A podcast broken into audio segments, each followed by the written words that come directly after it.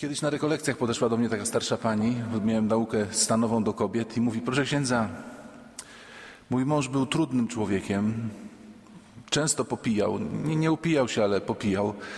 Awantury robił, krzyczał, nigdy mnie ani dzieci nie uderzył.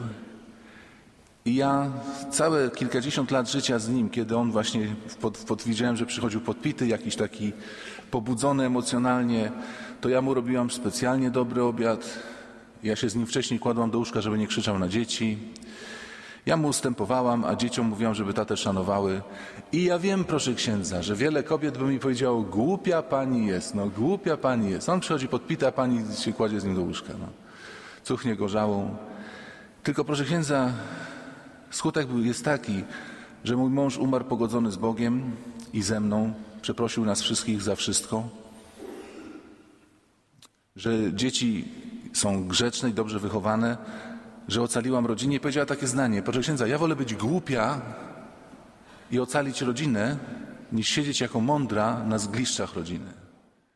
Jezus usiadł naprzeciw skarbony i przypatrywał się, jak tłum wrzucał drobne pieniądze do skarbony. Wielu bogatych wrzucało wiele.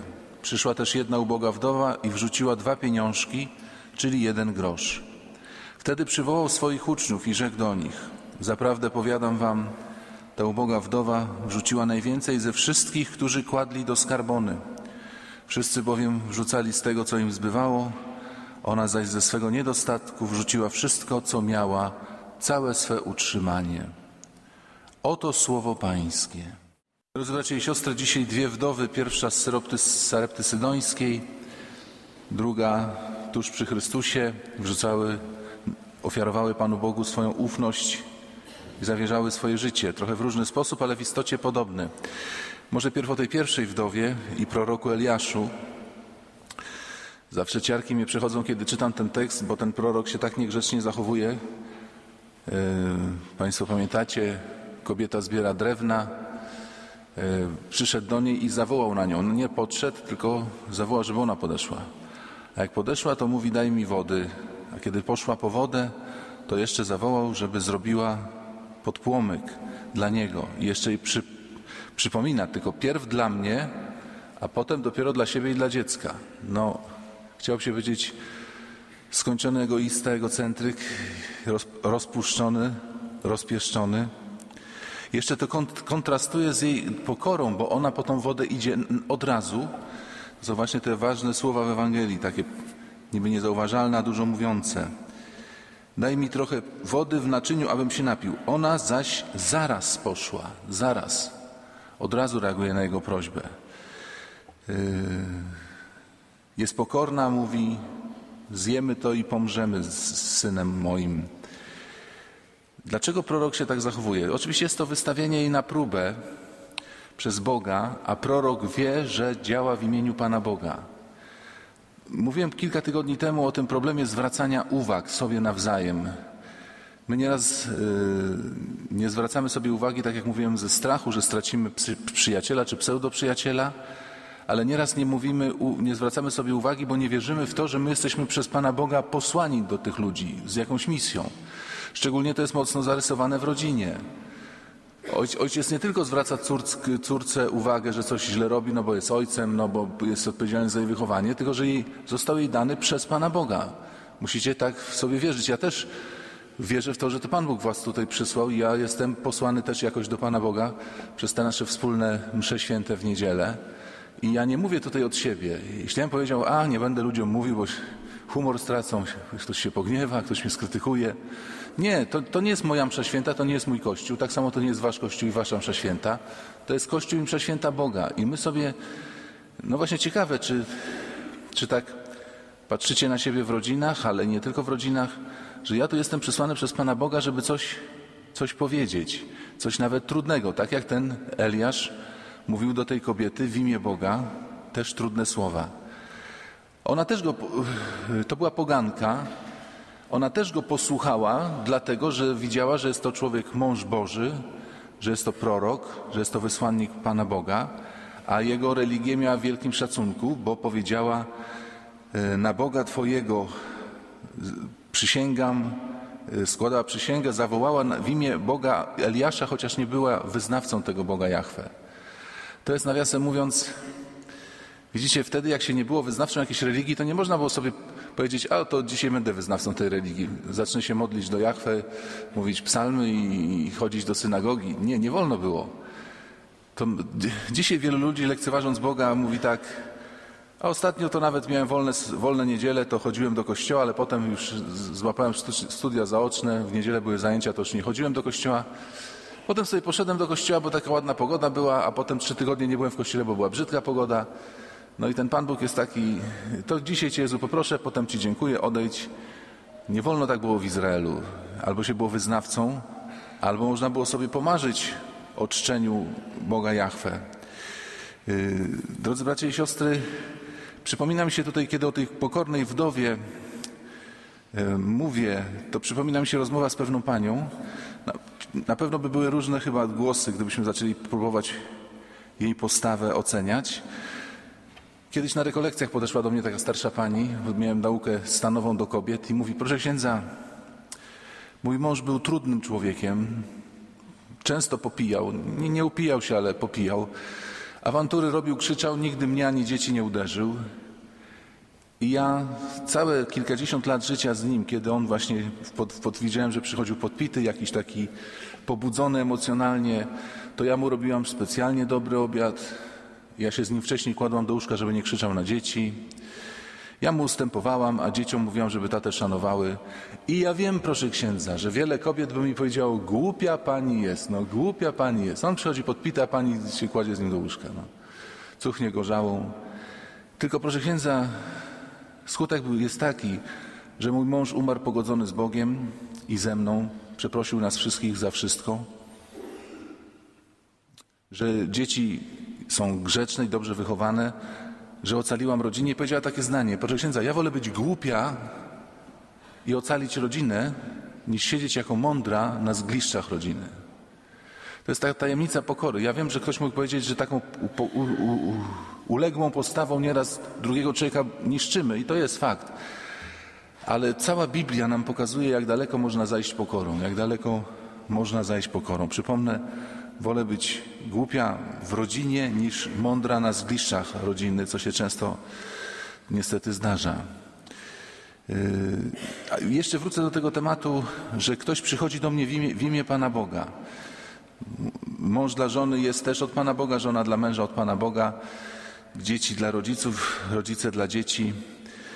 Żeby, żeby w to wierzyć, to, to dopiero wtedy napełnia, nasza misja nabiera mocy i smaku. Przepraszam, podzielę się tutaj taką dla mnie trochę nawet krępującą e, historią. To było niedługo po moich święceniach, gdzieś głosiłem też kazanie w jakimś kościele i podeszła jakaś pani w wieku mojej mamy i chciała mnie pocałować w rękę. Więc ja tą rękę odruchowo cofnąłem, byłem przerażony czymś takim. I jeden ksiądz widząc to powiedział, wiesz, jak cofasz rękę i wyrywasz ją, to wszystkim dookoła mówisz, ona mnie całuje. Mnie, księdza Piotra. Jeśli pozwolisz się pocałować w rękę, to pamiętaj, że ona całuje Chrystusa.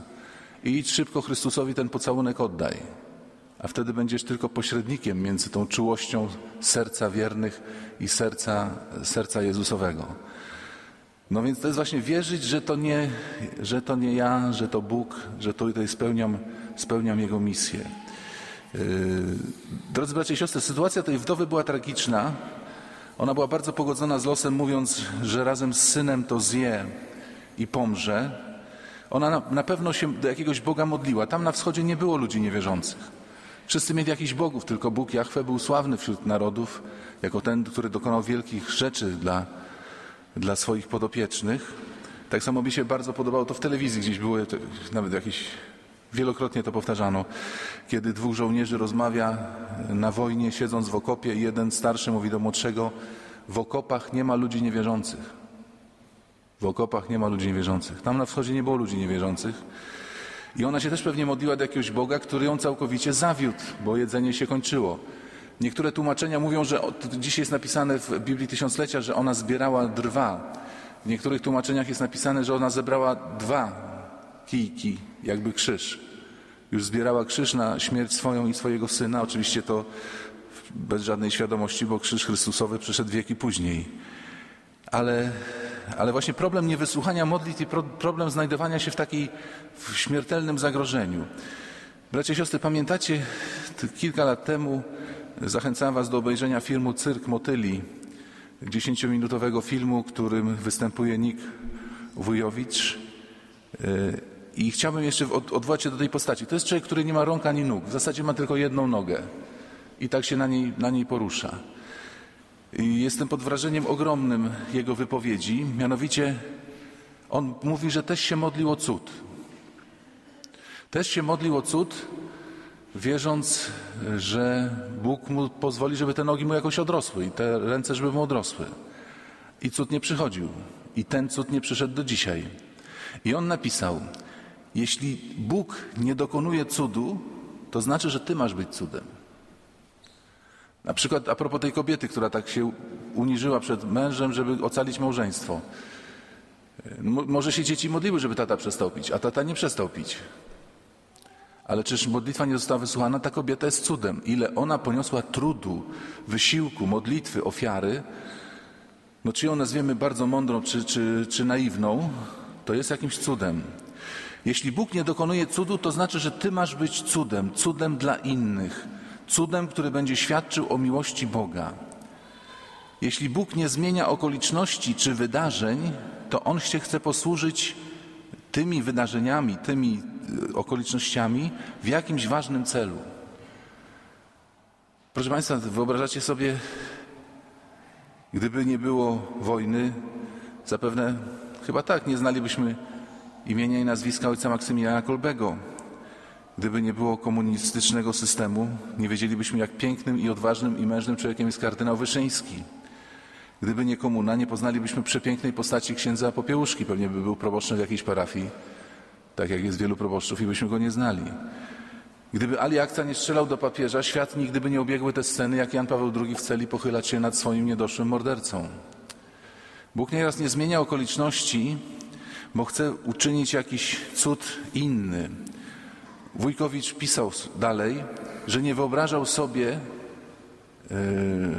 że będzie musiał żyć e, bez rąk i bez nóg, ale jeszcze bardziej nie wyobrażał sobie, że Pan Bóg uczyni go swoimi nogami i stopami. On jeździ po całym świecie, prowadzi wykłady, e, pisze książki. Setki, tysiące ludzi się nawracają pod, pod wpływem jego, jego świadectwa. Y, jest jednym z najlepszych chyba ewangelizatorów na ziemi. Gdyby miał roczek dwa i te nogi by mu jakoś odrosły, nikt by o nim nie słyszał. Byłby mechanikiem samochodowym, ślusarzem, nauczycielem matematyki.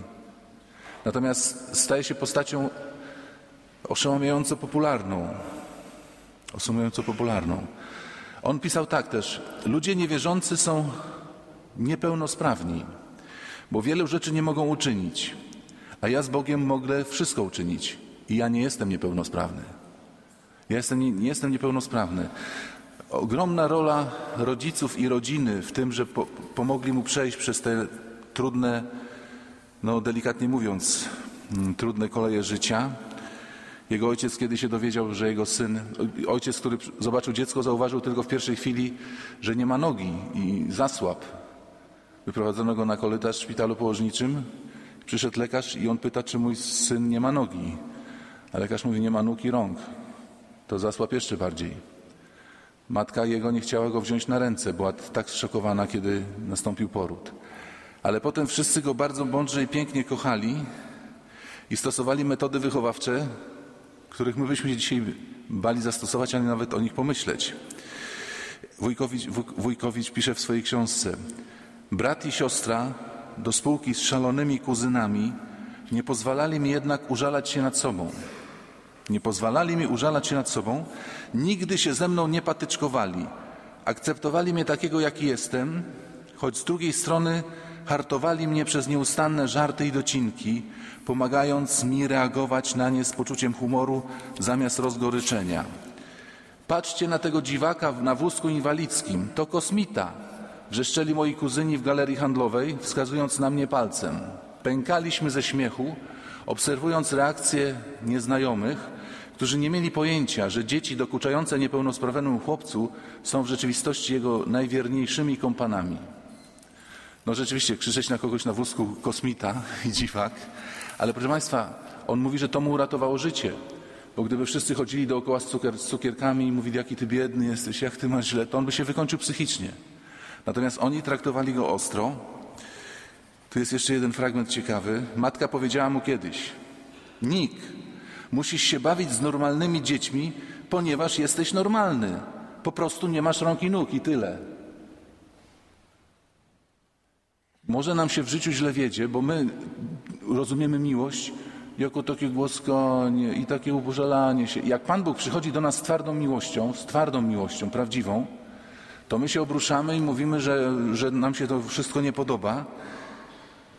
On pisał, matka ustawiła mi poprzeczkę na właściwej wysokości na wiele kolejnych lat. Nie chciała, żebym czuł się pod jakimkolwiek względem gorszy czy ograniczony. Nie chciała, żebym zamknął się w sobie i czuł się onieśmielony lub zakompleksiony tylko dlatego, że jestem inaczej zbudowany. Już wtedy rodzice starali się zaszczepić mi przekonanie, że mam prawo do życia wolnego od etykiet i ograniczeń. Ty też masz do tego prawo. Nie pozwól się zaszufladkować.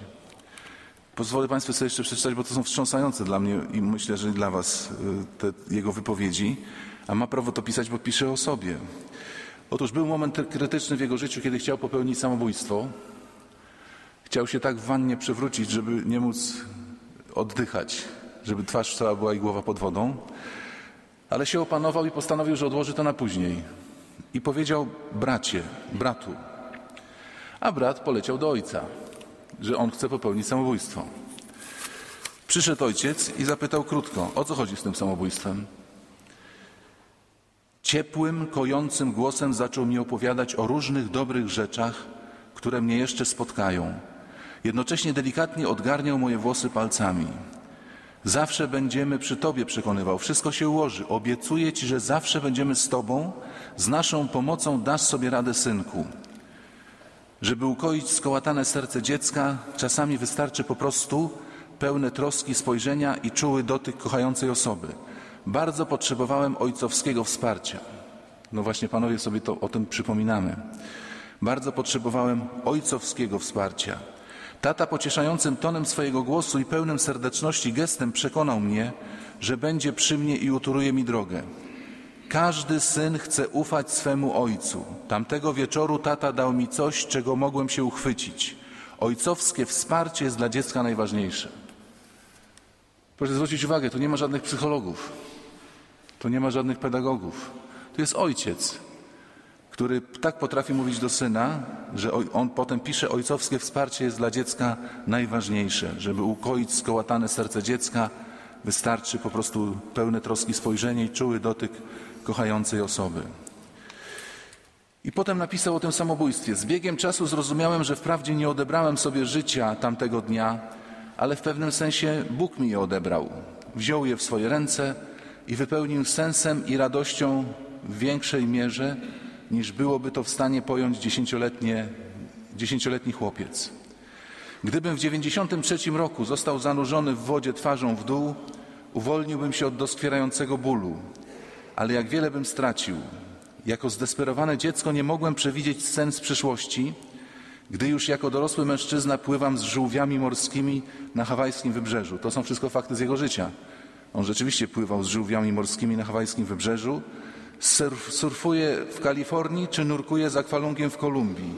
A przecież oprócz ekscytujących przygód straciłbym coś o wiele ważniejszego możliwość wywarcia pozytywnego wpływu na miliony ludzi. On ma takie oddziaływanie.